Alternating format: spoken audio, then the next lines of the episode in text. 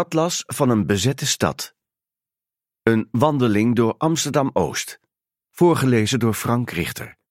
Inleiding voorgelezen door Bianca Stichter. De Atlas van een bezette stad vertelt de bekende en minder bekende, de grote en de kleine geschiedenissen van de stad Amsterdam tijdens de Tweede Wereldoorlog. Voor deze wandeling aangevuld met een paar nieuwe verhalen. De adressen zijn niet uitgezocht op hun zichtbaarheid in hedendaags Amsterdam. U komt ook langs gebouwen die er niet meer staan, omdat ze in de oorlog zijn verwoest of later afgebroken. Maar het is misschien verbluffender hoeveel nog wel bestaat. Wat heeft zich in al die grachtenpanden uit de 18e, die herenhuizen uit de 19e, de eerste flats uit de 20e eeuw afgespeeld in de jaren 1940-1945? Wilt u na deze wandeling meer weten? Lees dan het boek Atlas van een bezette stad of luister naar de historische achtergronden in het audioboek. Af en toe komt het voor dat er geen huisnummer op een gebouw is aangebracht. Het is niet noodzakelijk, maar wel raadzaam een kaartje van de wandeling bij de hand te hebben. Een plattegrond en een GPX-bestand kunt u downloaden op www.atlascontact.nl/slash bezette stad. Ik wens u een interessante wandeling op straat of thuis. Bianca Stichter, schrijver van Atlas van een bezette stad, Amsterdam 1940-1945.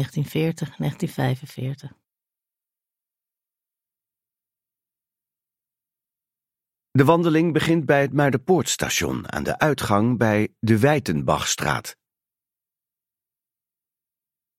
De meeste Joden uit de Hollandse Schouwburg moesten per tram naar het Muiderpoortstation voor transport naar Westerbork. Sinds het eerste transport op 3 oktober 1942 zijn zeker 11.000 mensen via dit station gedeporteerd. Bij de grote razzia op 20 juni 1943 was dit ook het station voor vertrek naar Westerbork. In de hal registreerden medewerkers van de Joodse Raad de vertrekkenden. Ze moesten de sleutels van hun huizen afgeven. Aan de andere kant van het station bevindt zich de Celebesstraat. Op 31 januari 1945 was bakker Adriaan Appelman met zijn zwager Aart Verbree s'avonds in deze straat met een kar brood onderweg naar zijn bakkerij in de Vrolijkstraat 325. Vijf personen sommeerden hen hun handen omhoog te doen en bedreigden hen met een pistool. Toen de overvallers de kar openden, vroeg Appelman wie ze waren en probeerde hij de kar weer dicht te gooien. Een der aanvallers gaf toen het bevel schiet, waarop een ander een vuurwapen op de borst van Appelman zette en een schot loste, waarop Appelman zwaar gewond neerstortte, meldt een politierapport. Verbree werd op de grond geduwd en de overvallers vluchtten met 69 broden uit de kar de Minahassa-straat in. Omstanders droegen Appelman het huis op nummer 79 binnen, waar een arts van de gemeentelijke geneeskundige en gezondheidsdienst, GG en GD, de dood constateerde. We lopen de Wijtenbachstraat in, tot aan de kruising met de Linnaeusstraat. We slaan linksaf tot nummer 89. In de Linnaeusstraat was op nummer 89 het burgerziekenhuis gevestigd. De Joodse sergeant Herman Hirschfeld schoot zich op 14 mei 1940 door het hoofd en overleed in dit ziekenhuis. Leerlingverpleegster Esmee van Ege ontmoette hier in het voorjaar van 1943 co-assistent Henk Kluvers. Ze ging hem helpen Joodse kinderen naar Friesland te smokkelen. Vanwege een verhouding die ze was begonnen met een Duitse officier, werd Van Ege ervan verdacht een dubbelspion te zijn. Ze dook onder bij haar moeder Minette van Lennep, die was hertrouwd met baron Schimmelpenninck van der Ooije, burgemeester van Baren. Ook de Duitsers zochten haar. Van Ege werd gearresteerd op het Centraal Station in Amsterdam. De SD schoot haar op 7 september 1944 in Groningen dood. Haar lichaam werd in het Van Starkenborgkanaal gegooid.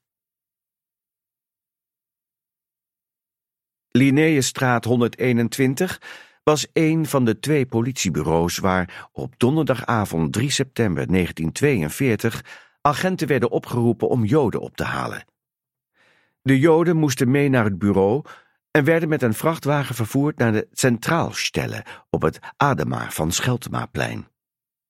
De Centraalstelle heette voluit Centraalstelle für jüdische Auswanderung, letterlijke vertaling Centraal Bureau voor Joodse Emigratie. NSB'er en agent Sam Olij herinnerde zich na de oorlog in een tijdens zijn detentie geschreven verslag hoe de inspecteur op dit bureau de opdracht uitlegde. Mannen, jullie hebben je briefje met de adressen van Joden die moeten worden opgehaald.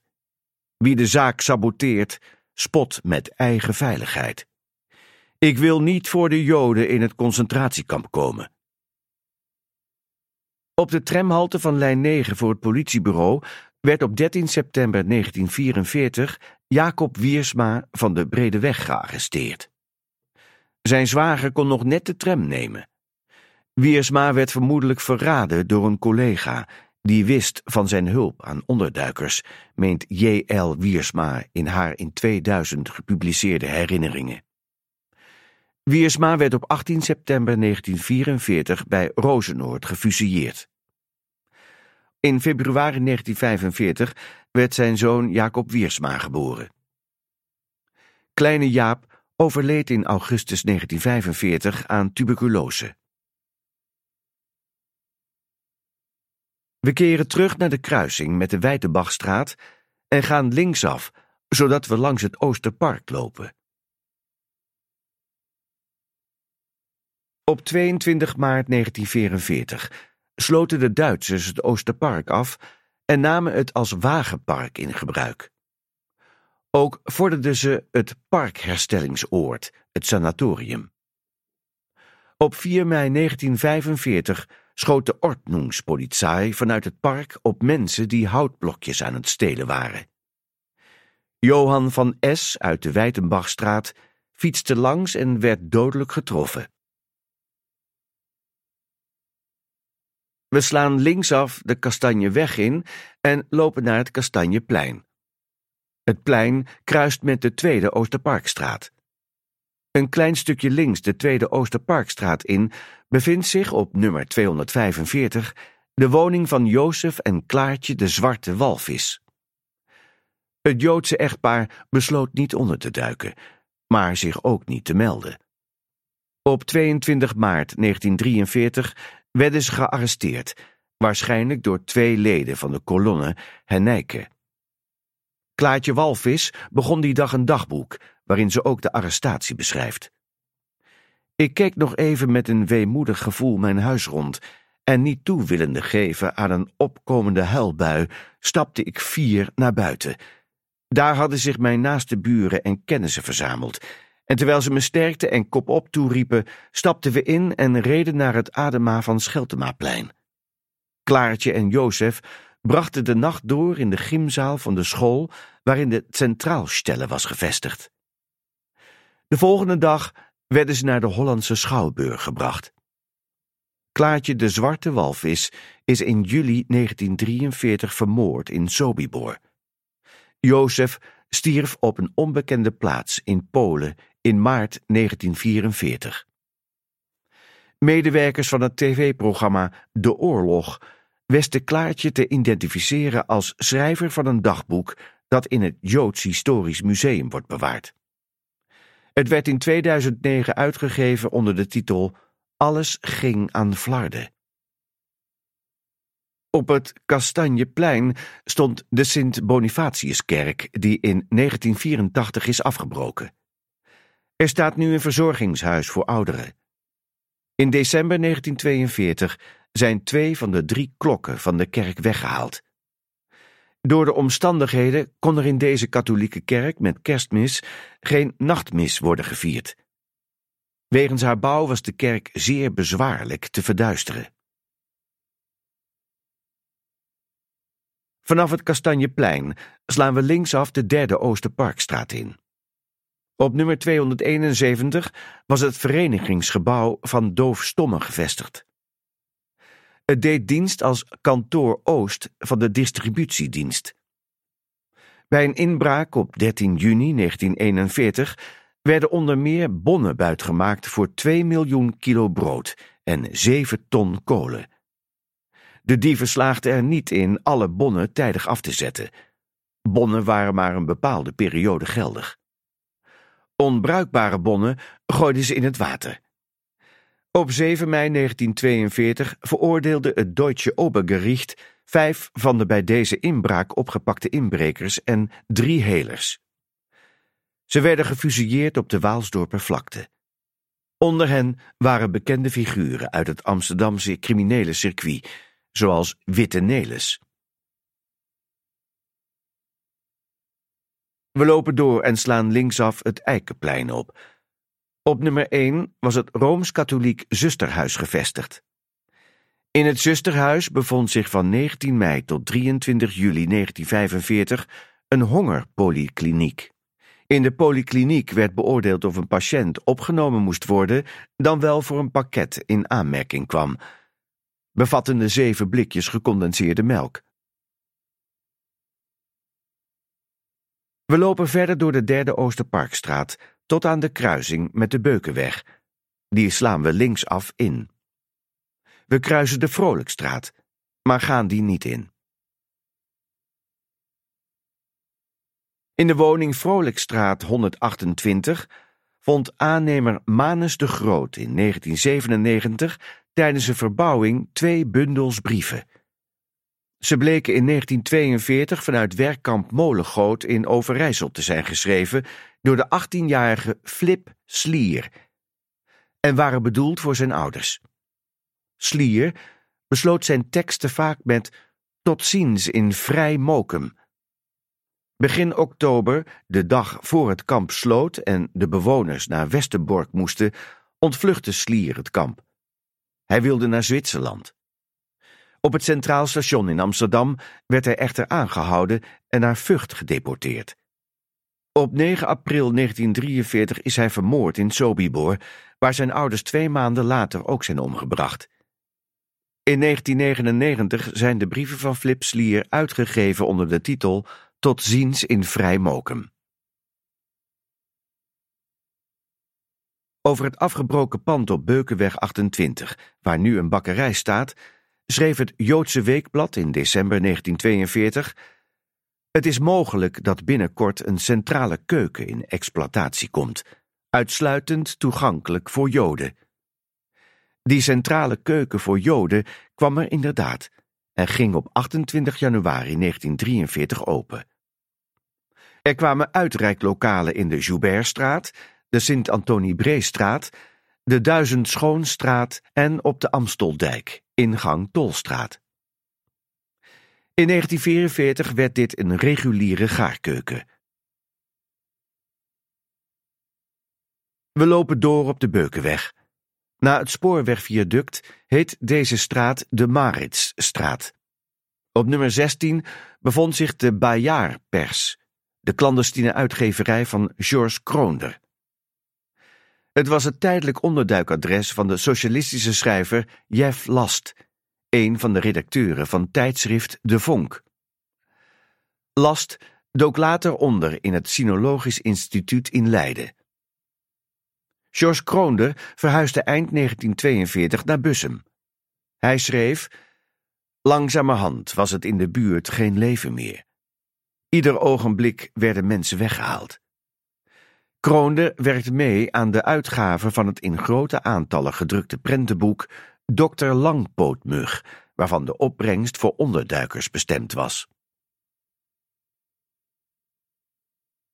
We lopen rechtdoor naar het Krugerplein. Dit plein was een verzamelplaats bij razzia's in 1942 en 1943. Het politiebataljon Amsterdam bracht thuis opgehaalde joden van dit plein met vrachtwagens naar de Hollandse Schouwburg. Greetje Papegaai van der Meer uit de Schalkburgerstraat vertelt hierover op de website Oorlog in mijn buurt. Op een dag was het onze beurt. Mijn moeder was in verwachting van mijn broertje. Ze was hoogzwanger. We zaten al in de overvalwagens toen we de Duitse officieren met elkaar zagen overleggen. Ze waren bang dat mijn moeder zou gaan bevallen in de wagen en dat er ellende van zou komen. Toen zijn we er alle drie uitgegooid. In de nacht van 31 januari op 1 februari 1945 forceerden zo'n 50 mensen de deur van de bakkerij op Krugerplein 28. Weggenomen werden circa 300 broden en een zak meel, meldt een politierapport. Vanaf het Krugerplein slaan we linksaf de Pretoriëstraat in. Op de Pretoriëstraat 57 zat de praktijk van de Joodse huisarts Ben Sayed, gemeenteraadslid van de SDAP. In november 1940 werd hij uit de raad gezet. In 1940 vluchtte zijn zoon Daniel in een zeilboot naar Engeland. In juni 1941 vluchtte Ben Sayed met enkele anderen, onder wie twee zonen, per roeiboot met buitenboordmotor naar Engeland. Ze hadden geen kompas. Sayed navigeerde s'nachts met zijn kennis van de sterren. Mijn hobby heeft mij gered, zei hij er later over. Toen hij aankwam, was zijn zoon Daniel net tijdens een oefenvlucht voor de RAF verongelukt. Ook zoon Jaap kwam in Engeland om. Sayed nam dienst bij de koopvaardij. Hij was ook keuringsarts op de Antillen. In 1945 keerde hij terug in de gemeenteraad.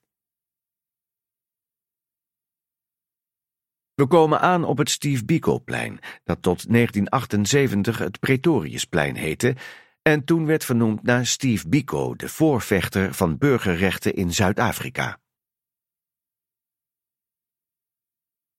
Vanaf het plein loopt zowel linksaf als rechtsaf de Langs-Nekstraat. We slaan zo dadelijk linksaf deze straat in. Aan de rechterzijde was op nummer 41 1 hoog de woning van koopman Rafael Morpurgo, Charlotte Morpurgo de Klerk en hun vijf kinderen. Rafael werd in 1942 vermoord in Auschwitz. Charlotte en de kinderen in juli 1943 in Sobibor. De daarna leegstaande woning werd in september 1943, toen alle nog in Amsterdam verblijvende Joden naar de Transvaalbuurt in Oost moesten verhuizen, betrokken door de familie Cohen, bestaande uit David Cohen, Cornelia Slijper Cohen, hun dochter Mirjam en hun schoonzoon Jacques Weil. David Cohen, een van de voorzitters van de Joodse Raad, woonde daarvoor in de Van Breestraat. Het verblijf duurde maar een paar weken. Op 29 september 1943 werden zij met de laatste trein van het Amstelstation naar Westerbork gedeporteerd. Aus der Funten liet mij in zijn eigen auto halen, schreef Cohen in zijn memoires. Begin oktober werd de bibliotheek van Cohen geconfiskeerd door de ERR, dat staat voor Einsatzstab Reichsleiter Rosenberg, de instantie die het leeghalen van woningen van gedeporteerde Joden coördineerde. Vanaf het Steve Biko-plein slaan we linksaf de Langsnekstraat in. We lopen door tot het nummer 19.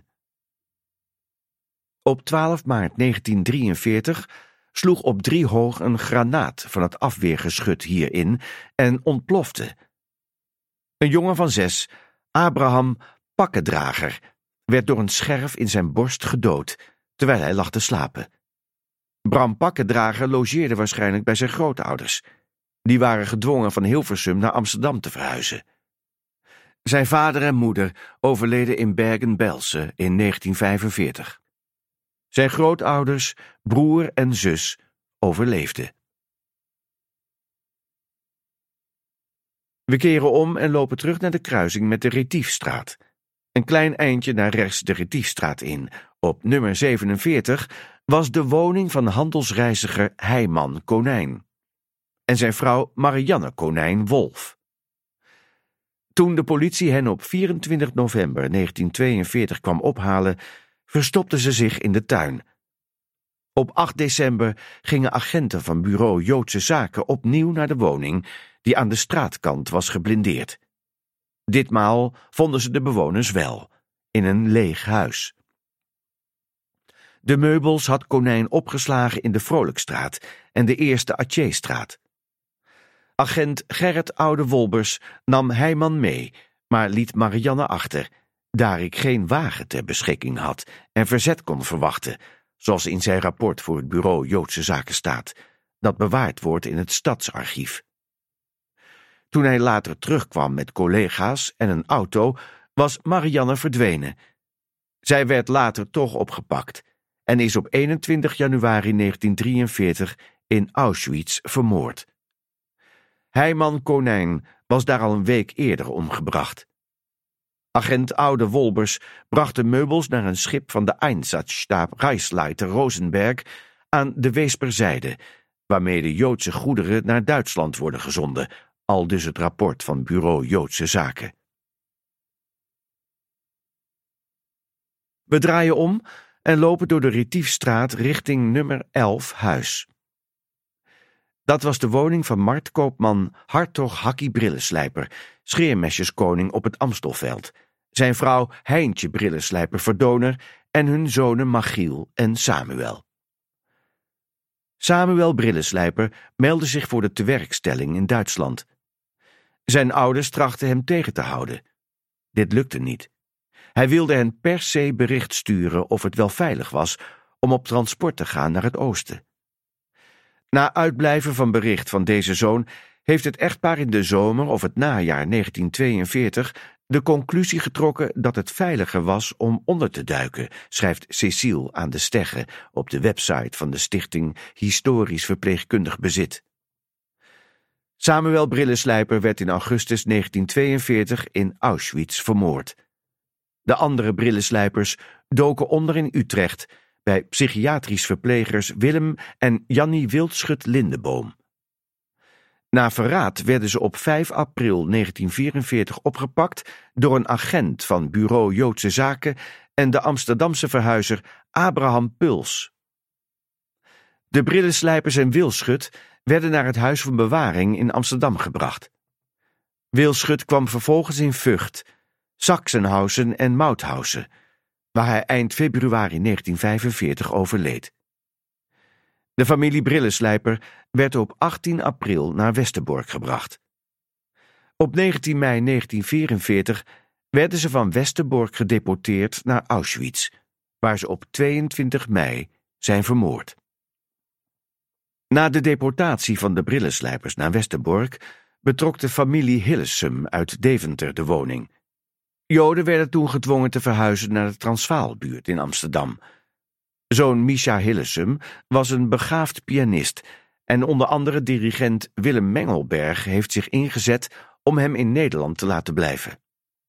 Hij schreef in een brief aan de SD-chef Hans Albin Rauter: Het is mijns inziens wenselijk als het grote talent van deze jonge pianist behouden blijft voor het Nederlandse culturele leven.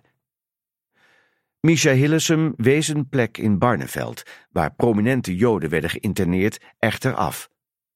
Ook is geprobeerd via advocaat Benno Stokvis moeder Riva te ariseren. Maar vooral vader Louis en zus Etty, die al vrijwillig in Westerbork verbleef, waren daarop tegen. Willens en wetens is Etty Hillesum de dood ingegaan, schreef Stokvis in 1968 in zijn memoires Advocaat in bezettingstijd.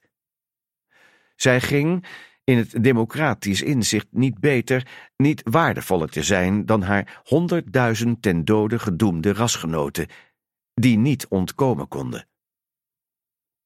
Louis, Riva en Misha Hillesum werden opgepakt bij de Groos-actie van zondag 20 juni 1943.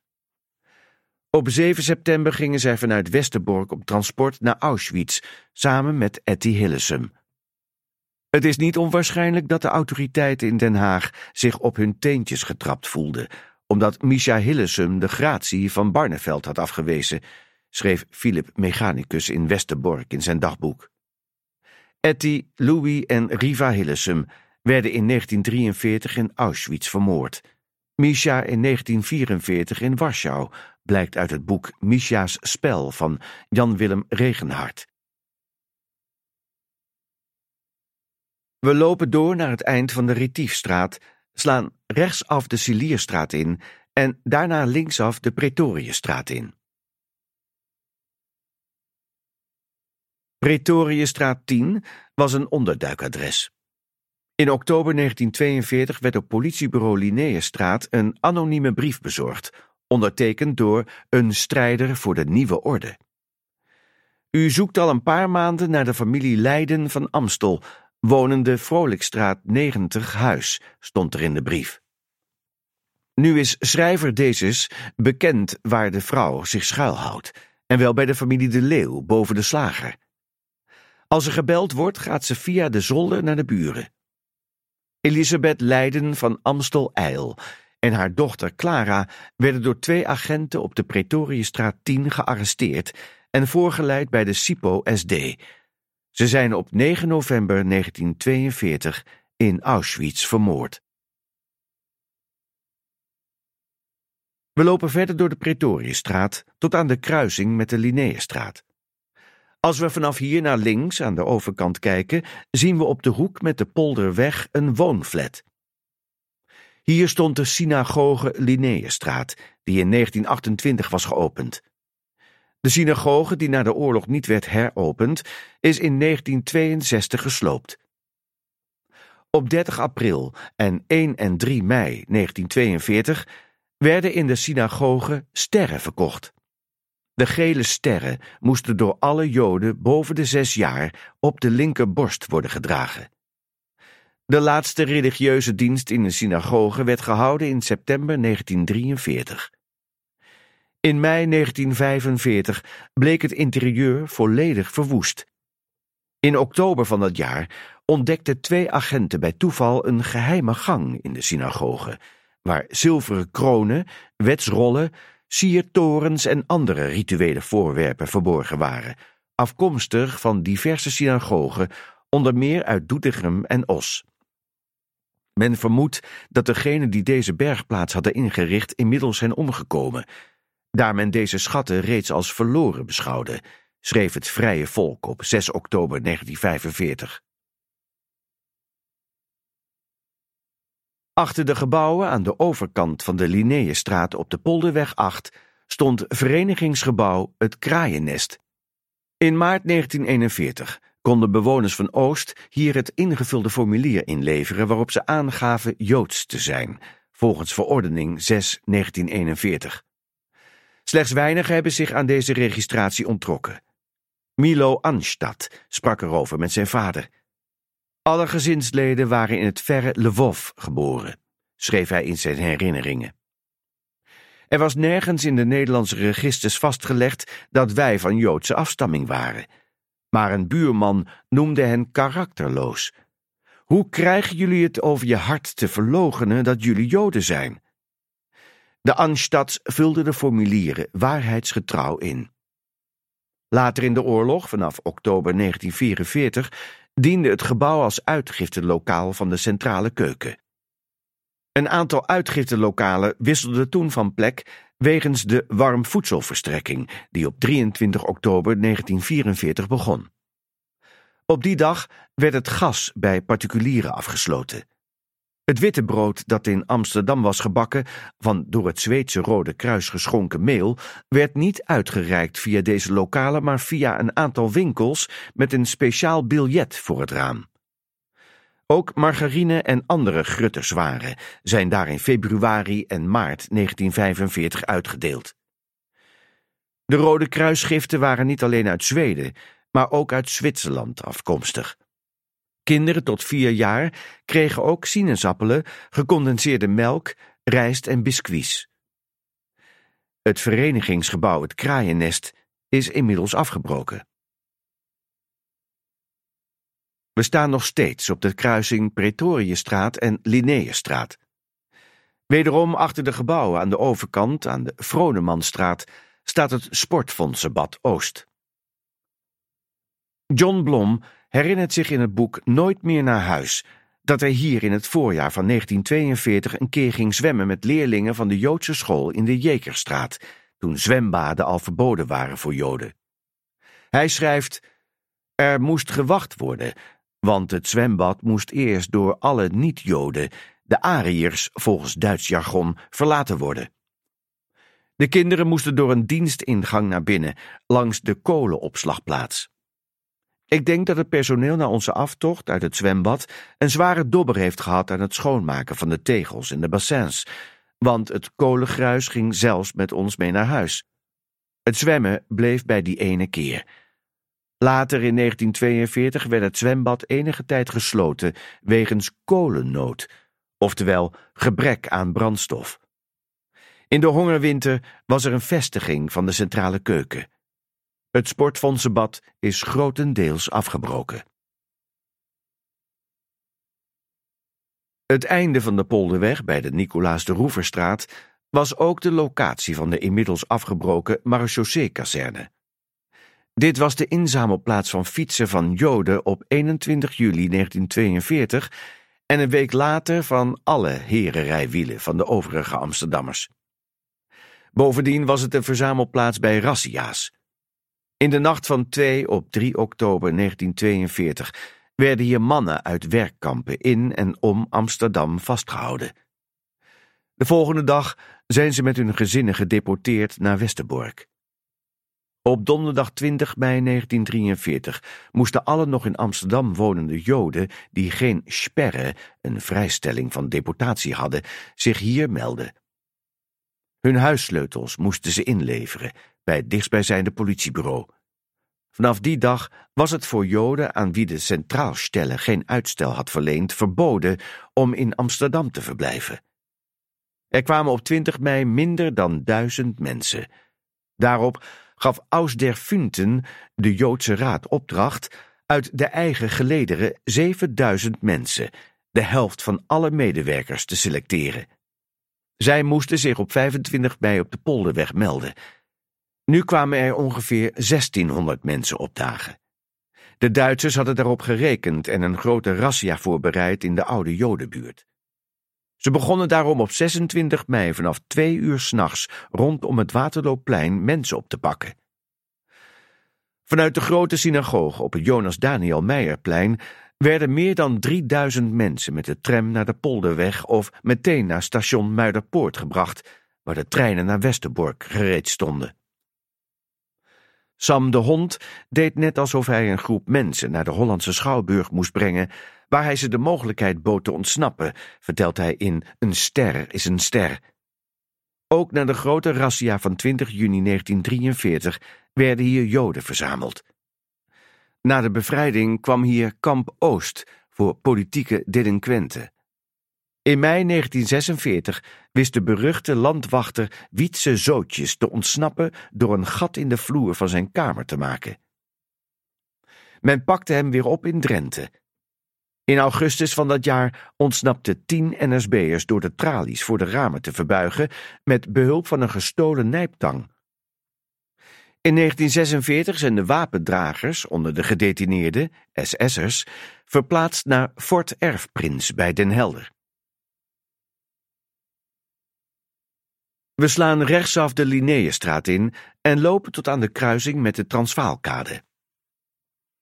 In de oorlog torende hier hoog boven de huizen de gashouder van de Oostergasfabriek uit, die aan de Oranje Vrijstaatkade stond.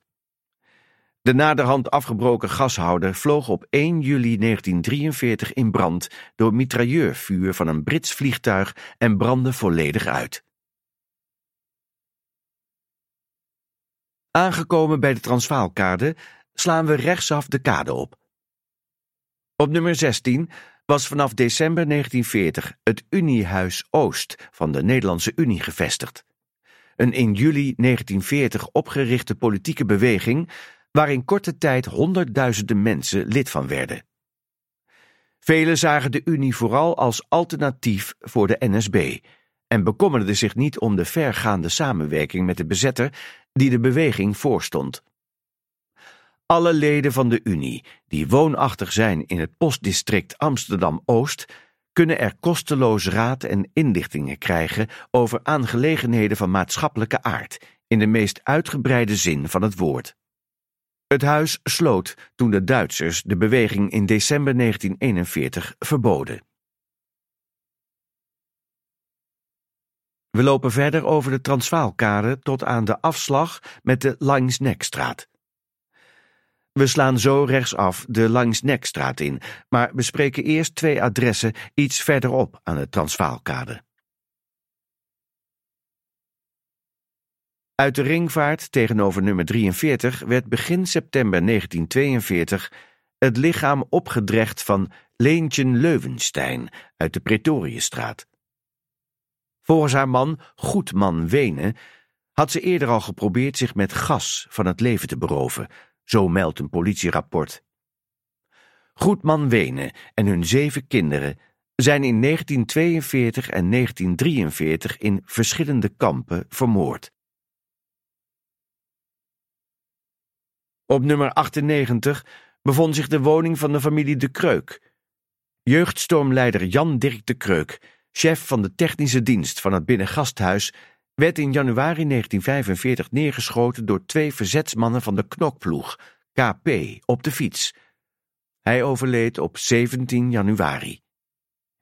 Ik kwam van het Krugerplein toen ik schoten hoorde, herinnert een buurtbewoner zich op de website Geheugen van Oost. Toen zag ik twee mannen vluchten op de fiets de Colenso-straat in. De kreuk heeft van smiddags tot s avonds ongeveer acht uur daar gelegen. Hij was stijf bevroren. Ze hebben zijn armen gebroken, anders kon hij de oude ziekenwagen niet in. De KP had Kreuk gedood om ontdekking van de illegale zender van Pieter de Vos van het BBO te voorkomen. BBO staat voor Bureau Bijzondere Opdrachten de door de Nederlandse regering in Engeland opgezette geheime dienst. De zonen van Kreuk zaten bij het politiebataljon Amsterdam en bij de Waffen-SS. Cornelis de Kreuk is in 1946 door een bewaker neergeschoten in een kamp voor gedetineerden in Goes, nadat hij een houweel had opgeheven tegen deze bewaker. Zijn tweelingbroer Jan Dirk de Kreuk werd veroordeeld tot 15 jaar gevangenisstraf. Tijdens de bevrijding logeerde opperhopman van de jeugdstorm, Ernst Zilver, bij de weduwe van de kreuk, om een oogje in het zeil te houden. De binnenlandse strijdkrachten arresteerden Zilver, ook werkzaam voor de winterhulp hier op 7 mei 1945, net toen hij een stukje Zweeds wittebrood zat te nuttigen, zoals hij in 1995 in zijn memoires schreef, die in het NIOT worden bewaard. Toen hij naar buiten kwam, zongen omstanders: Zilver, die moet zakjes plakken, hi, ha, ho. In 1947 werd hij veroordeeld tot 3,5 jaar gevangenisstraf. In 1948 kwam hij vrij. We gaan nu rechtsaf de Langsnekstraat in en daarna linksaf de Transvaalstraat in, tot we op het Transvaalplein uitkomen. Deze buurt werd het Rode Dorp genoemd. Hier woonden veel Joodse socialisten, vaak diamantbewerkers, die in de jaren 20 en 30 verhuisd waren uit de oude Jodenbuurt. Het plein was een verzamelplaats bij razzia's. Op 20 juni 1943 zijn veel Joodse bewoners tijdens een grote razzia opgepakt. Luidsprekerwagens reden door de buurt en geboden Joden voor hun deur klaar te staan. Het ingezette bataljon van de Ordnungspolizei kreeg versterking van manschappen van het bataljon uit Tilburg en van Nederlandse politiemannen uit Den Haag en Dordrecht. Over de Transvaalbuurt. Ongeveer 80% van de 20.000 inwoners van deze buurt was Joods. De Transvaalbuurt was een van de drie Joodse wijken die de Duitsers in 1942 instelden. In juli 1942 werden in deze wijk elf kappers, negen slagers en vier restaurants aangemerkt als Joods lokaal. Vanaf november 1942 moesten alle Joden in Amsterdam naar deze buurt verhuizen. Ze werden ondergebracht in leeggekomen woningen van al gedeporteerde Joden, waarbij de gemeentelijke woningdienst bemiddelde. Ook Joden van buiten Amsterdam moesten naar deze buurt verhuizen. De gemeente verhoogde de huur en hield nauwkeurig bij hoeveel huizen leeg stonden. Half oktober 1942 waren dat 135 gemeentewoningen 17 woningen van woningbouwverenigingen en 51 particuliere woningen waaruit de Joodse bewoners waren geëvacueerd. Deze waren opnieuw voor verhuur beschikbaar. Dit gold niet voor 370 gemeentewoningen die waren verzegeld door de Einsatzstab Reichsleiter Rosenberg. Daarvan moest de inboedel nog opgehaald worden. De gemeente drong er bij de Duitse autoriteiten op aan daar haast mee te maken, zodat ook deze woningen weer verhuurd konden worden. In juli 1943, toen ook de meeste geherhuisveste Joden waren weggehaald bij de grote razzia van 20 juni, bracht de gemeente in de Transvaalbuurt gezinnen onder die bij het bombardement op de Fokkerfabriek in Noord hun huis waren kwijtgeraakt. In 1944 volgden mensen uit Diemen, waar een hele buurt werd afgebroken om plaats te maken voor het vrije schootsveld waarover de Duitsers wilden beschikken bij de verdediging van Amsterdam. We lopen de Transvaalstraat uit, die uitkomt op de Schalkburgerstraat. We slaan deze linksaf in tot aan de kruising met de Kraaipanstraat. Op Schalkburgerstraat nummer 33 woonden Schouwer Jozef Lierens, Clara Lierens-Zwaaf en hun kinderen, Heijman en Wolf. Jozef en Heijman werden vermoord in Auschwitz in 1942 en 1943. Clara en Wolf in Sobibor in april 1943.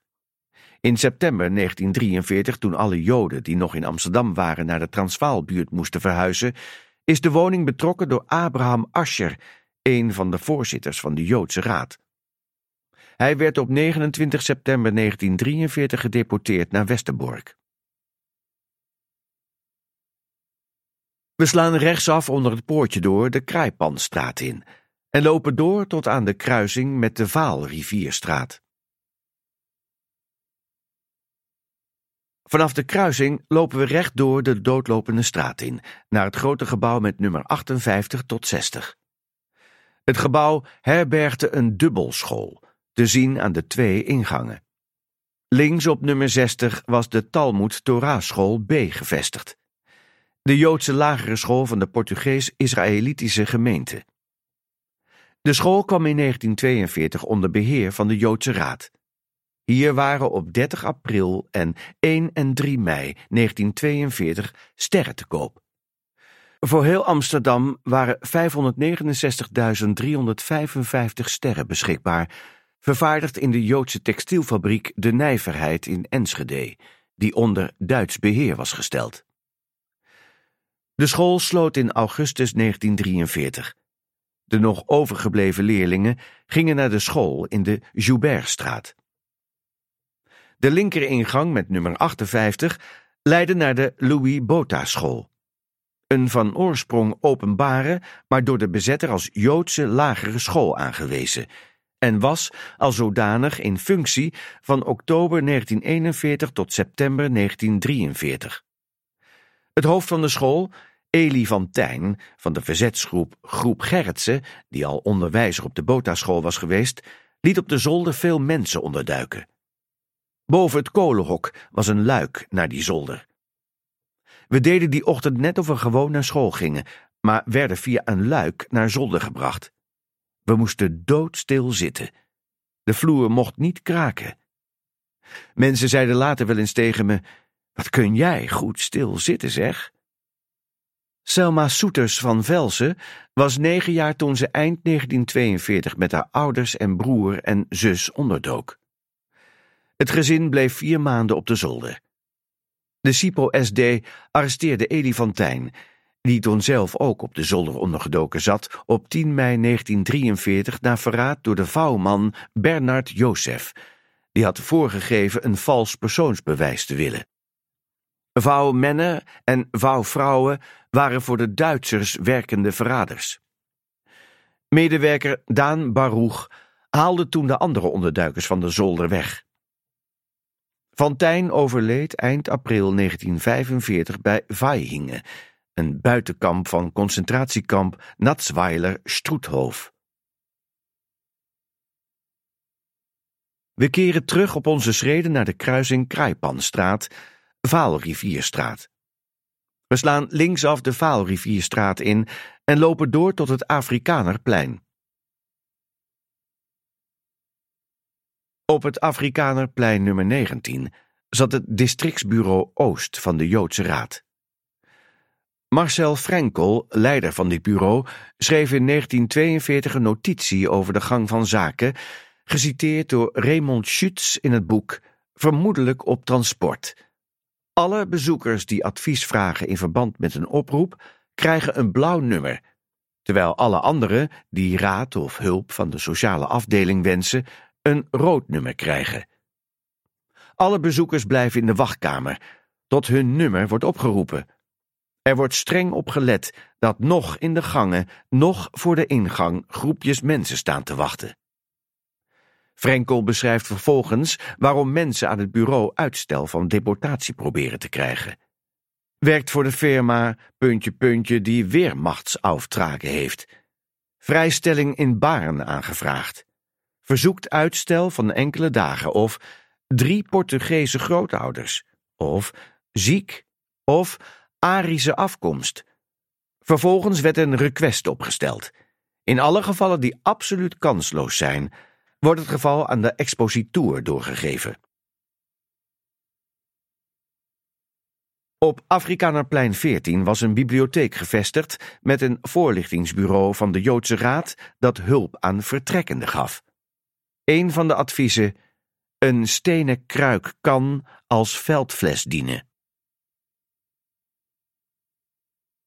Vanaf het Afrikanerplein gaan we de tweede straat rechts in, de Joubertstraat. Op nummer 15 zat de Joodse kleuterschool B van oktober 1941 tot juni 1943. Deze school is inmiddels afgebroken. Vanaf augustus 1943 werd dit een verzamelschool. Alle overgebleven Joodse kinderen van al opgeheven scholen werden hier geplaatst. Het was de laatste Joodse school die open was. Half september waren er 85 leerlingen. Na de laatste grote razzia van 29 september 1943 verdween ook deze school. Vanaf 28 januari 1943 tot waarschijnlijk september van dat jaar was in het gebouw ook een uitgiftelokaal van de Joodse Centrale Keuken. De speeltuin aan de linkerhand in de Joubertstraat was van november 1941 tot augustus 1943 een markt. Alleen toegankelijk voor Joodse verkopers, Joodse kopers en Joodse bezoekers, zo heette het. Bij het hek stond een portier die de bezoekers controleerde.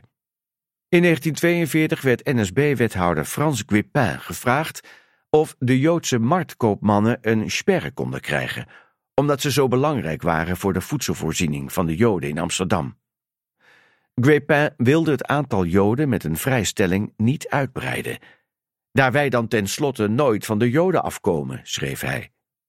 Ze zouden bovendien makkelijk vervangen kunnen worden. De aangeboren handelsgeest der Joden maakt vrijwel ieder lid van dit ras geschikt voor de markthandel, meende hij in een in het stadsarchief bewaard verslag. Aan het eind van de Joubertstraat slaan we linksaf de Rijtstraat in en direct rechtsaf naar de President Brandstraat. Op nummer 32 wonen de communistische verzetstrijders Janna Jette en haar echtgenoot Albert Wittenberg, werkzaam bij de luchtbescherming en lid van de Bond van Surinaamse Arbeiders. De buren van nummer 18 Huis, Schoontje Vleesdrager en Louis Sarlui brachten hun zes weken oude baby Betty bij de Wittenbergs onder toen ze begin 1943 op transport moesten. Omdat Albert zwart was, zeiden de Wittenbergs tegen de buitenwacht dat de blonde Betty het resultaat was van een slippertje van Janna. Vleesdrager en Sarlui zij in juni 1943 in Auschwitz vermoord. Albert Wittenberg werd in 1944 gearresteerd en stierf tijdens een gevangenentransport in Duitsland in april 1945.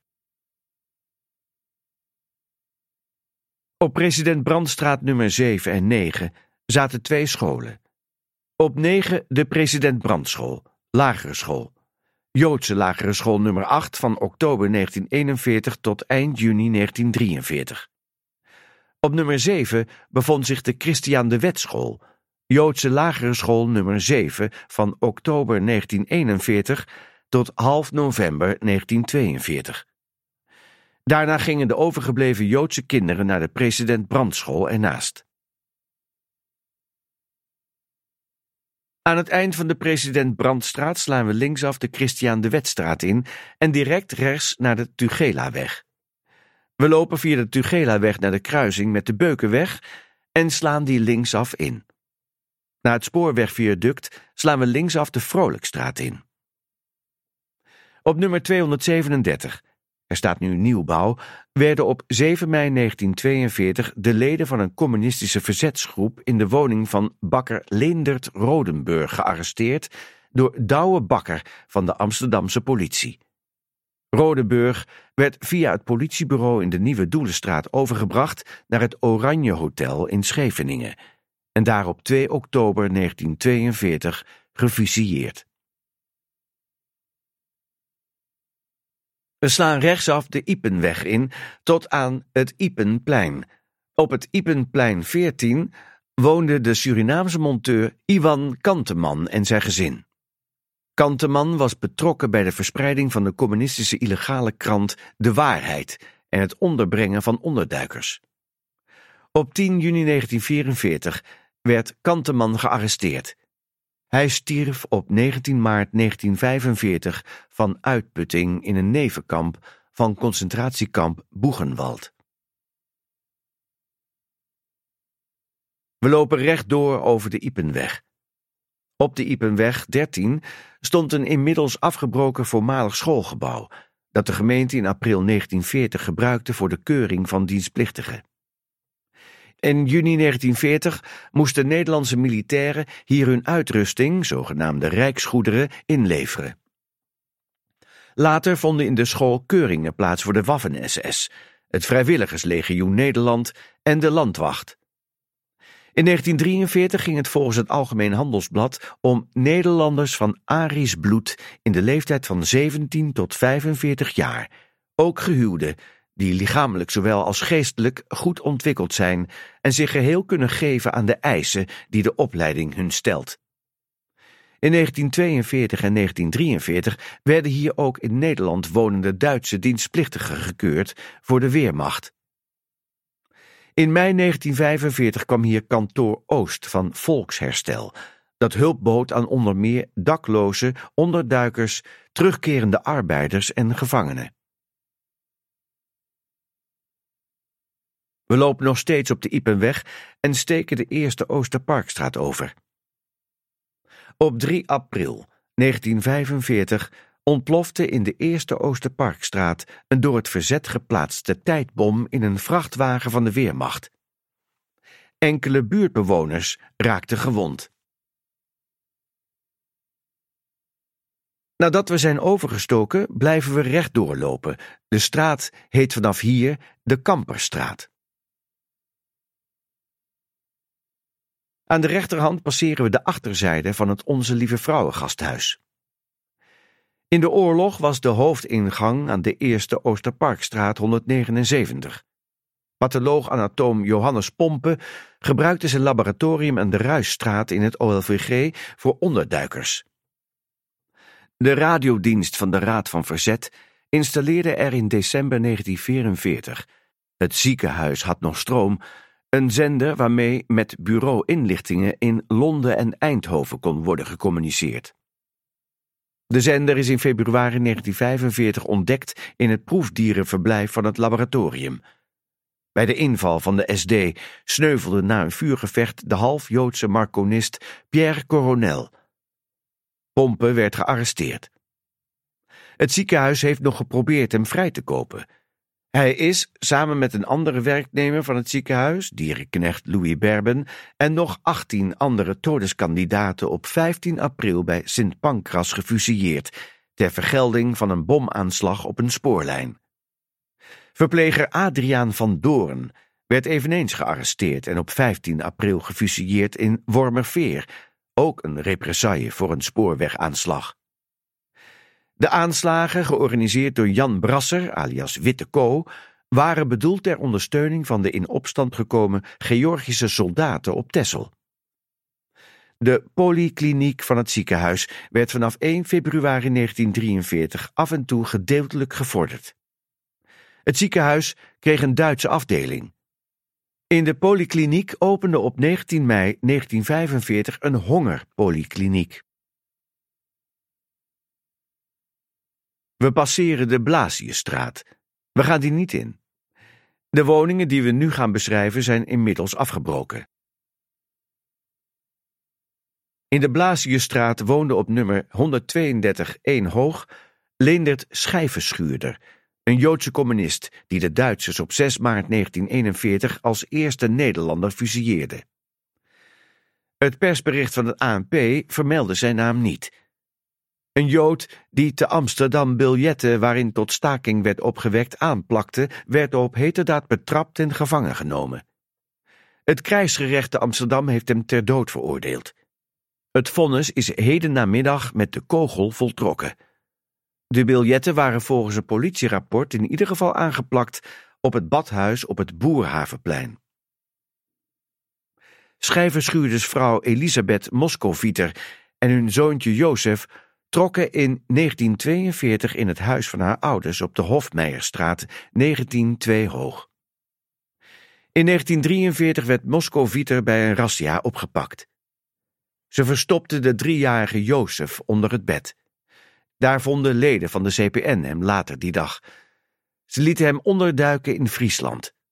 Moskovieter is op 2 juli 1943 vermoord in Sobibor.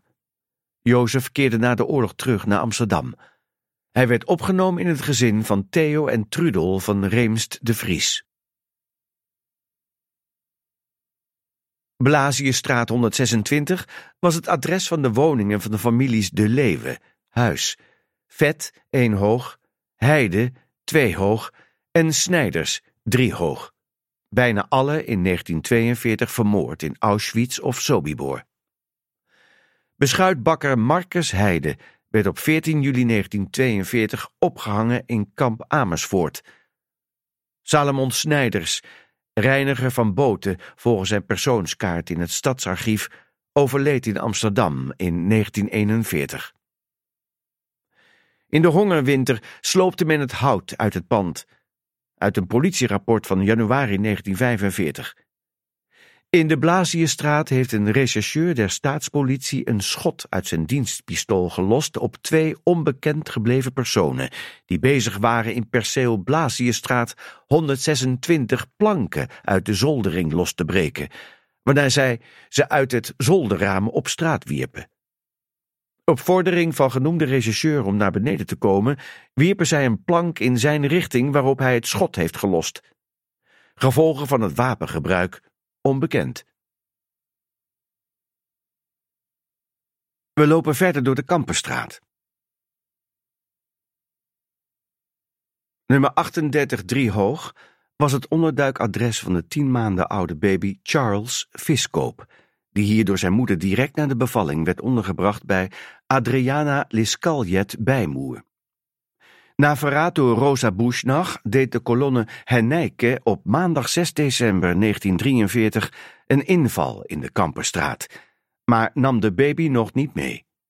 Adrie Bijmoer moest hem zelf naar het bureau Joodse Zaken brengen. Van de Paulus Potterstraat bracht men het kindje naar de gevangenis op de Weteringschans, waar Jannie Moffie Bolle enkele dagen voor hem moest zorgen in haar cel. Op 24 december ging de kleine Charles op transport naar Westerbork. Hij stierf op 28 januari 1944 in de buurt van Auschwitz. Zijn moeder, Veronica Viskoop de Brave, was daar al omgebracht op 30 november 1943. Zijn vader, Sam Viskoop, werd er vermoord op 28 februari 1944. We steken de Ruisstraat over, maar gaan die niet in. Ruisstraat 60 Huis was de woning van kapper Cor Steenbergen en Rosa Boesnach. Om deportatie te voorkomen werd de Joodse Bushnach vouwvrouw en bracht Joden aan bij de SD, onder wie haar bovenburen. Vanwege het kostgeld had ze zelf ook een Joodse onderduiker in huis, Nathan Abram, die ze later ook verriet, maar hij werd niet gepakt. Abraham, bekend onder de naam Nico van Dijk, gebruikte het adres voor verzetsactiviteiten. In de Ruisstraat 60 Driehoog was het stropdassen atelier en woning van Christian van de Montel. Samen met zijn Joodse vrouw Hendrika streed hij al voor de oorlog tegen het fascisme in de Bond van Surinaamse Arbeiders. Het echtpaar hielp Joden onderduiken. Op 3 maart 1943 werd het hele gezin gearresteerd, ook verraden door buurvrouw Bushnach. Hendrika is vermoord in Auschwitz. Christian van de Montel en zijn dochters Louise en Deborah overleefden verschillende concentratiekampen. We lopen verder door de Kampenstraat, waar op nummer 17, op de hoek met de Tilanusstraat, de kweekschool voor vroedvrouwen was gevestigd. Gebruikt als afdeling zuigelingenzorg van de Joodse Raad. In de Tilanusstraat, die we oversteken maar niet ingaan, was op nummer 57 een fietsenstalling die in 1942 en 1943 een van de onderkomens was van de buitenschoolse jeugdzorg, een afdeling van de Joodse Raad. Sari van Praag-Horneman vertelde na de oorlog aan haar dochter Marga van Praag: We vermaakten de kinderen met spelletjes, met zang, maar ook met toneel en cabaret. Omdat we dat baantje hadden, hoefden we voorlopig niet naar Duitsland. We komen aan op het Boerhavenplein. Op het adres Boerhavenplein 28 bevond zich het badhuis Andreas Bonstraat.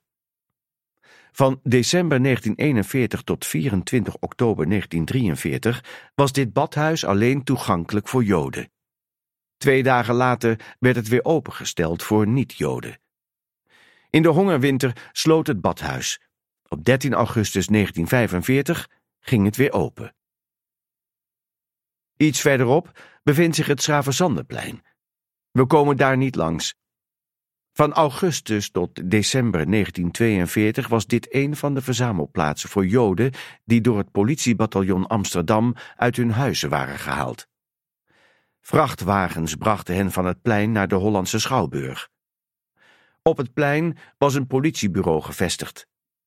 Hans Mol herinnerde zich dat hij als kind in de hongerwinter met een speelgoedzaagje een hulstboompje omzaagde op het Schravenzandeplein, juist voor het toenmalige politiebureau.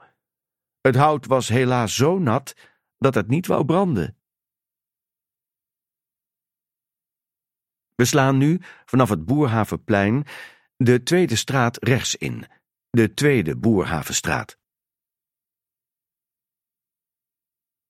Het gebouw op nummer 49 was het scholencomplex met Montessori-school voor ULO en lagere school Andreas Bon in februari 1941, gevorderd door het Luftgau Commando Holland. Van buiten zag het gebouw er prachtig uit, met hoge ramen, stenen boogjes en een houten luifel boven de voordeur, meenden de eerste naoorlogse gebruikers van het gebouw, werkzaam bij het Mathematisch Centrum dat er in 1945 introk. Van binnen was het minder fraai. Tijdens de oorlog hadden de Duitsers het gebruikt als garage, waarvoor ze onder meer de buitenmuur van een van de gymnastieklokalen hadden gesloopt. Vermeldt het boek Alles moest nog worden uitgevonden, de geschiedenis van de computer in Nederland.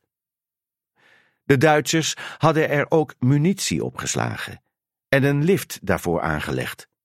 De lift was inmiddels verdwenen, maar de koker niet.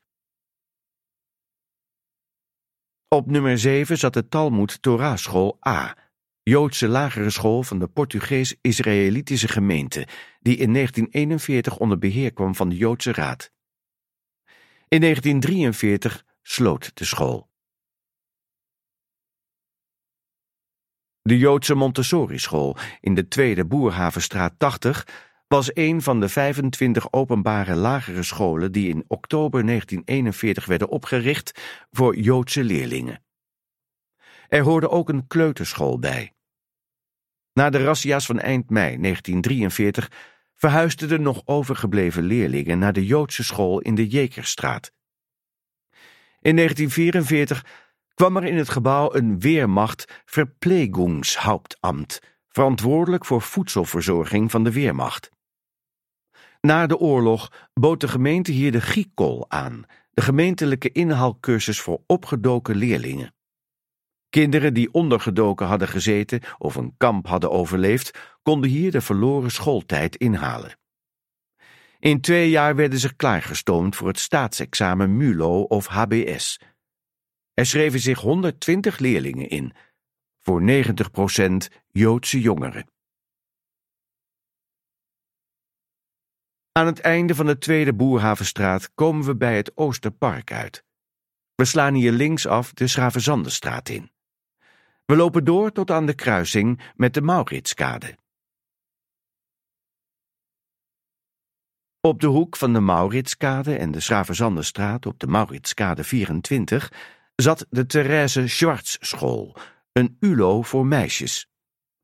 In oktober 1941 kwam hier de Joodse HBS, die in december 1942 werd samengevoegd met het Joods Lyceum in de Stadsnimmertuin 1. In 1943 diende het gebouw als huisvesting voor de hulppolitie, die half februari het ophalen van Joden overnam van het politiebataljon Amsterdam. Deze hulppolitie bestond uit leden van de Nederlandse SS en de WA, de weerafdeling van de NSB.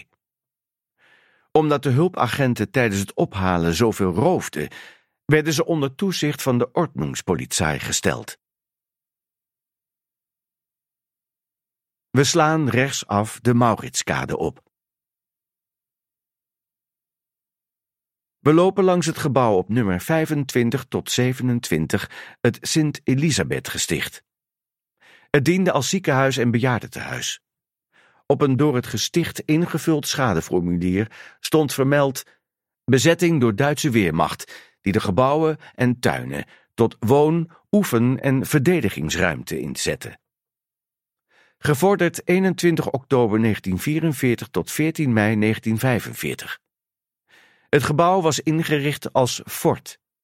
In de tuin waren bunkers en loopgraven aangelegd. De schade aan het gebouw bedroeg volgens dit formulier bewaard in het stadsarchief meer dan 30.000 gulden, onder meer veroorzaakt door wanbeheer.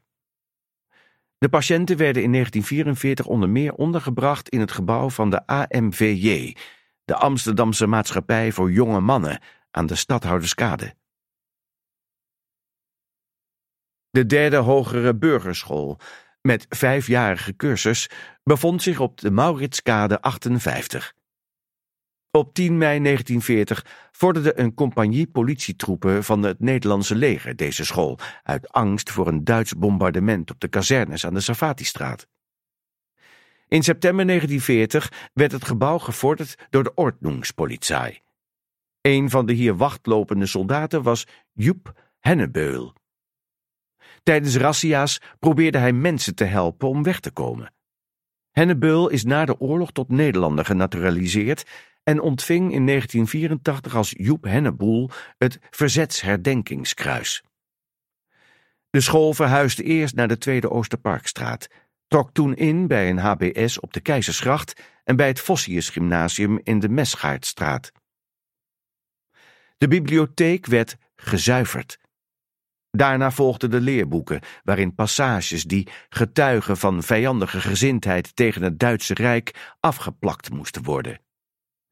Het schoolhoofd adviseerde de bespreking van Heinrich Heine zou wegens zijn Joodse afkomst en vaak satirische toon aanzienlijk moeten worden bekort, CQ weggelaten, evenals stukken uit zijn werken en gedichten.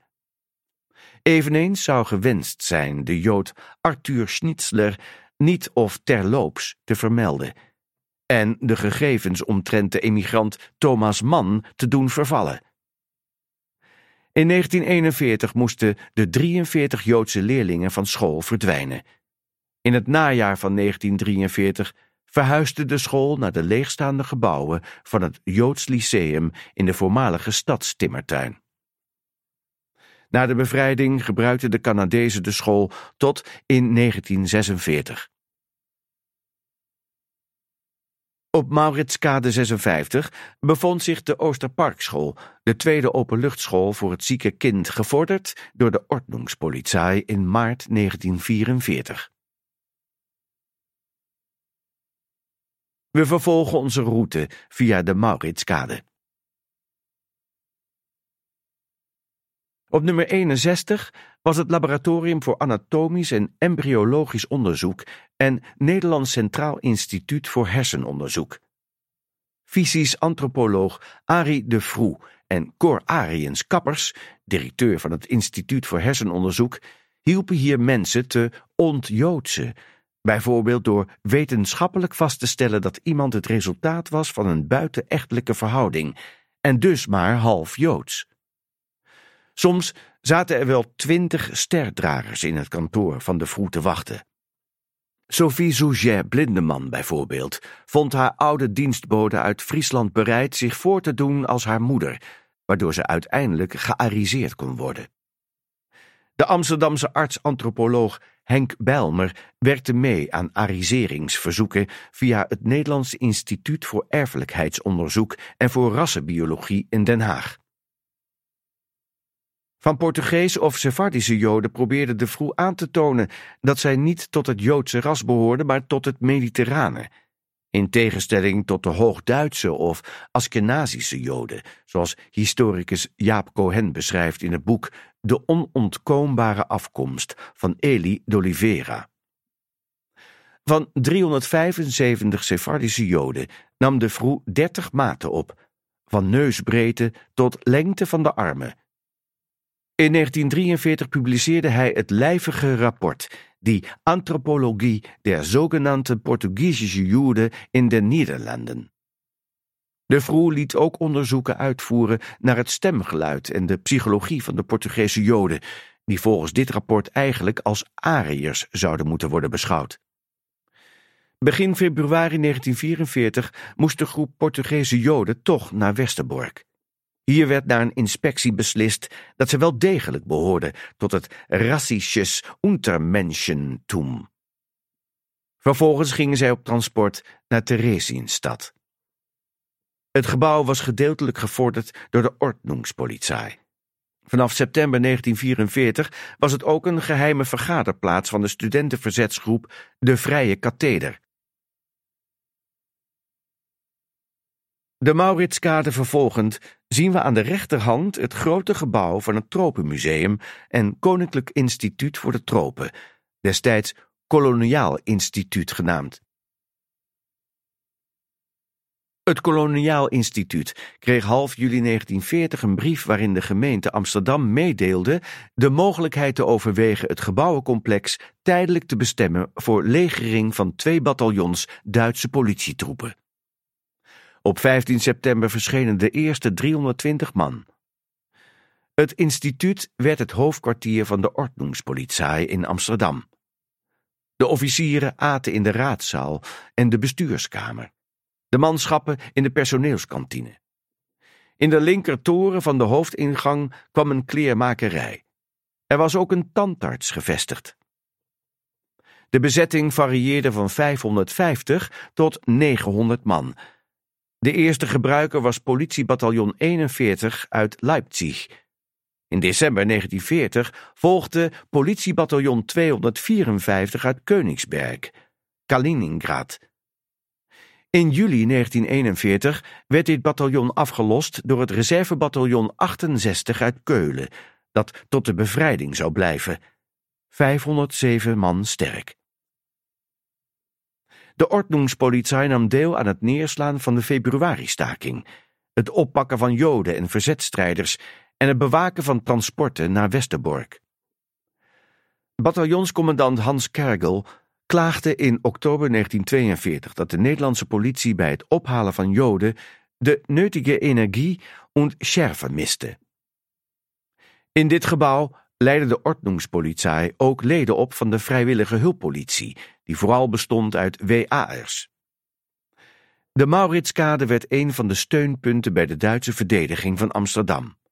Ook de nummers 15, 17, 19, 20, 21, 29 en 30 waren in gebruik bij de Ordnungspolizei.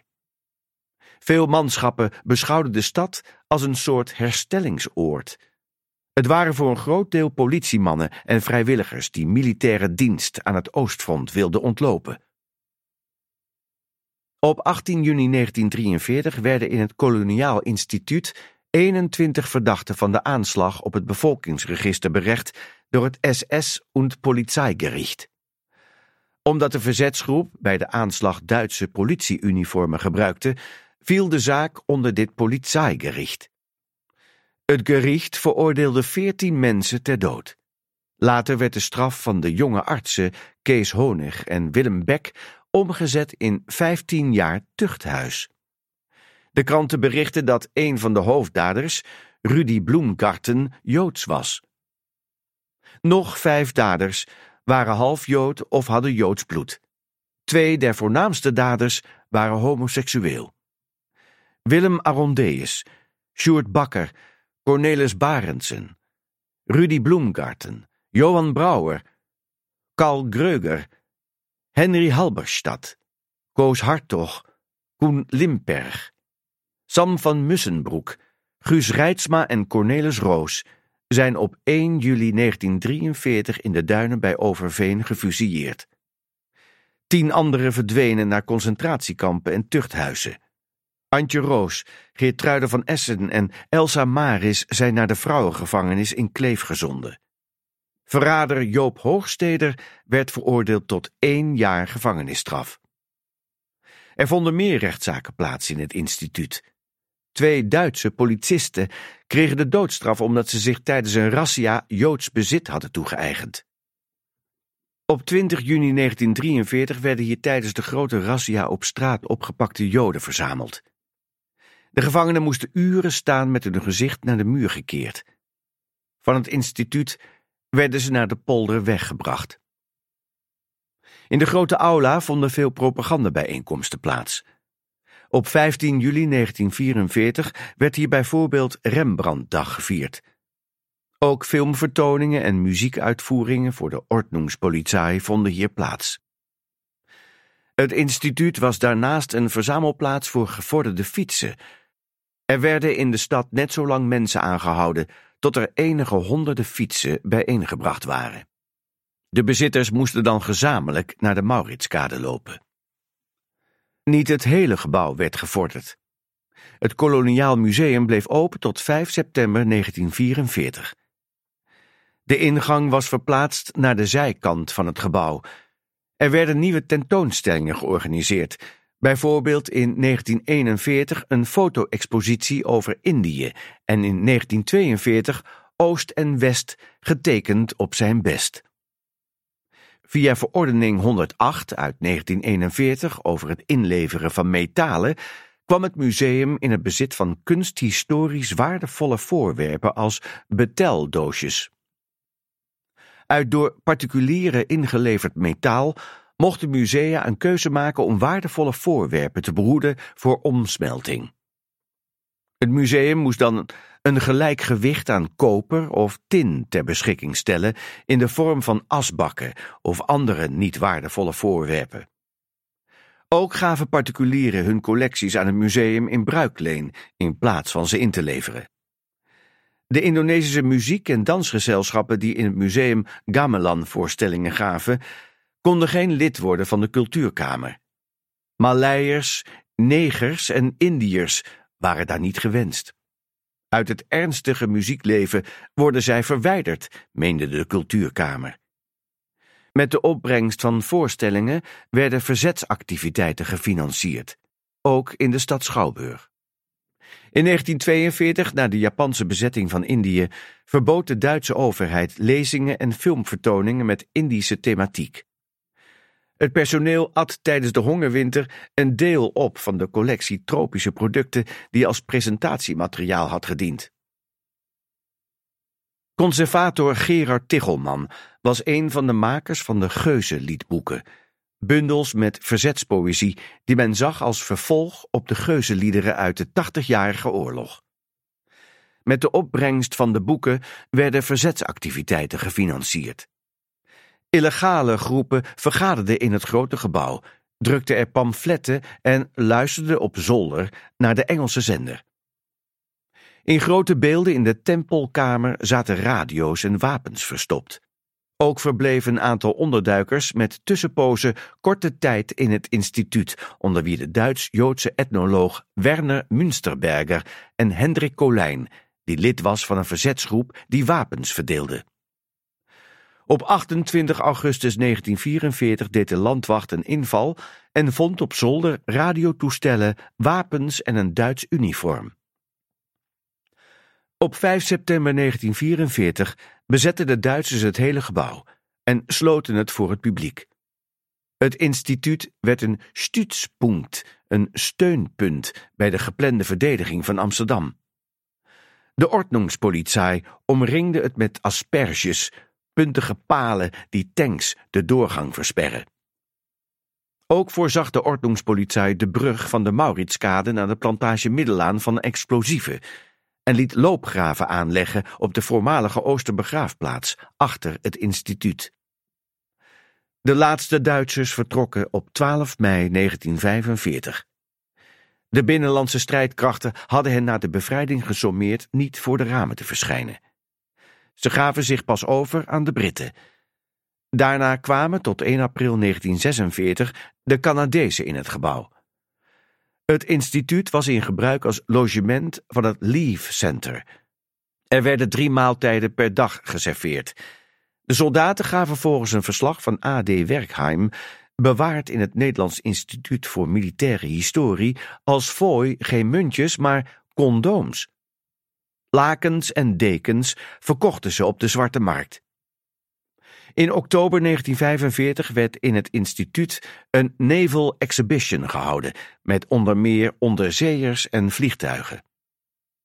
Op 20 augustus 1945 heropende het Koloniaal Instituut onder de naam Indisch Instituut.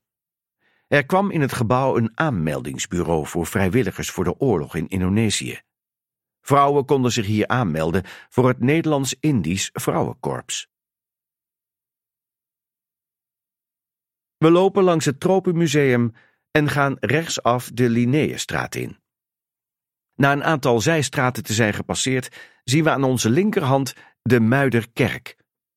Eén klok is weggehaald in 1943 en in Hamburg omgesmolten. Door de metaalmobilisering was overwogen klokken s'avonds in het donker weg te halen, maar dat idee bleek praktisch niet uitvoerbaar.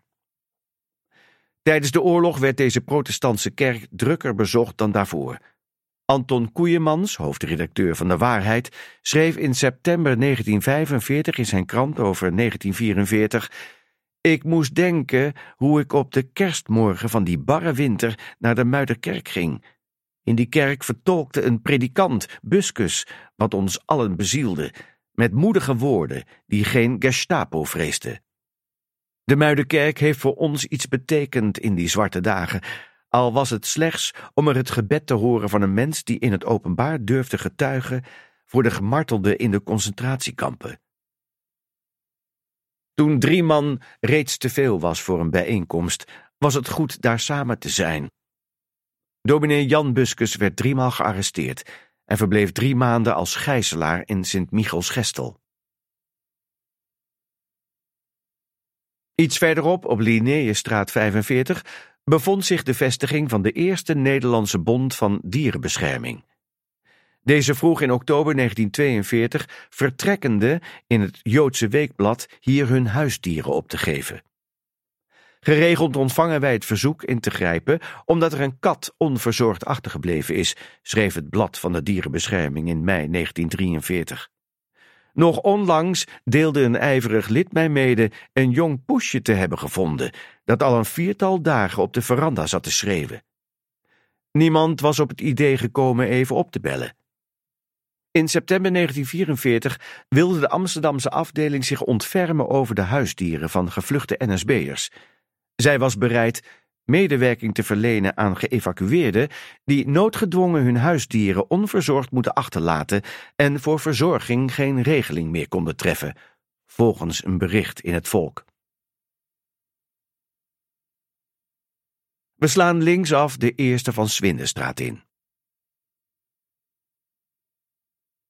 Op 6 september 1944, de dag na Dolle Dinsdag, schoot een patrouille van de Ordnungspolizei op een in deze straat verzamelde menigte. Meubelmaker Adolf Friesen van de Insulindeweg werd dodelijk getroffen. Op nummer 31 opende de Vliegende Winkel van de Nederlandse Unie in november 1940. Mensen konden in deze winkels informatie krijgen en lid worden van de beweging die door velen werd gezien als een alternatief voor de NSB. Het pand is inmiddels afgebroken. Verderop in de eerste van Swindestraat, nummer 127 3 hoog, was de nu afgebroken woning van Simon van Horen, zijn zusje Sophie en hun Joodse moeder Rachel van Horen Groenteman. De vader overleed in 1942. Dit was tevens het onderduikadres van broers Nathan en André Sigerius. Toen Rachel en de onderduikers in maart 1944 werden opgepakt, probeerde Simon zijn moeder vrij te krijgen door via de beruchte Ans van Dijk zelf onderduikers te verraden, onder wie Marcus en Hendrika Pels Brandon in de Javastraat. Toen zijn moeder toch op transport ging, wilde hij Van Dijk laten vermoorden. Ans van Dijk leverde hem daarop uit aan de Sicherheidsdienst, die hem opsloot in kamp Amersfoort en vervolgens in andere kampen. Hij werd op 3 mei in de buurt van Maagdenburg door Amerikaanse troepen bevrijd. Na zijn terugkeer in Amsterdam arresteerden de binnenlandse strijdkrachten Van Horen. In 1946 kreeg hij levenslang. Hij kwam vrij in 1952.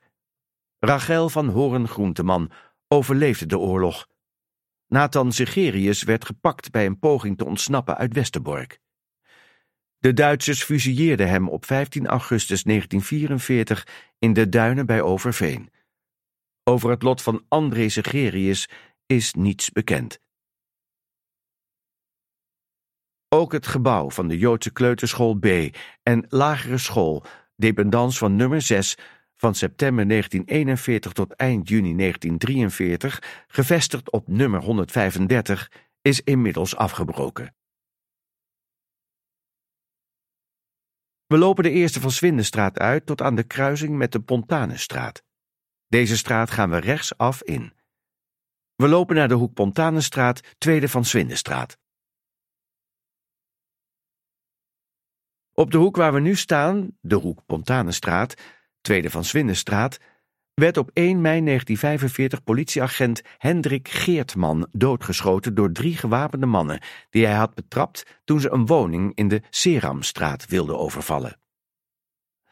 De daders namen zijn pistool mee.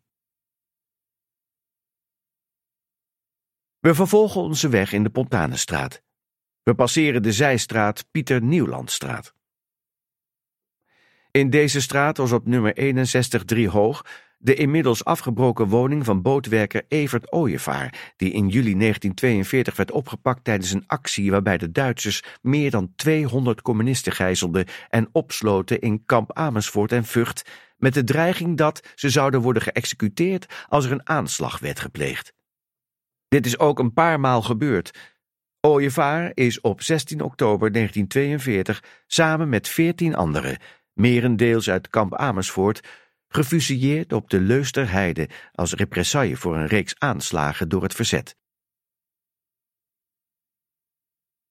We lopen door tot aan het Muiderpoortstation, waar de wandeling begon. Circus Saltarino gaf in september 1943 voorstellingen in de buurt van het Muiderpoortstation nadat het eerst enkele weken in de Jan van Galenstraat bij de markthallen had gestaan. In plaats van tijgers traden er angora-katten op. Het circus werd daarna door de cultuurkamer verboden omdat de eigenaar, Alfred Peters, bijgenaamd Fossiel, politiek ongewenst was. Het Vrije Volk schreef in augustus 1945: In een loods nabij Amsterdam waren wagens en tenten van Saltarino ondergedoken. Hierin maakten leden van de binnenlandse strijdkrachten, de samenwerkende gewapende verzetsgroepen, prikkeldraadversperringen en autovallen voor de te wachten strijd klaar. In augustus 1945 stond het circus op het Amstelveld. We zijn nu aan het einde van de wandeling gekomen. Wilt u na deze wandeling meer weten? Lees dan het boek Atlas van een bezette stad of luister naar de historische inleiding in het audioboek.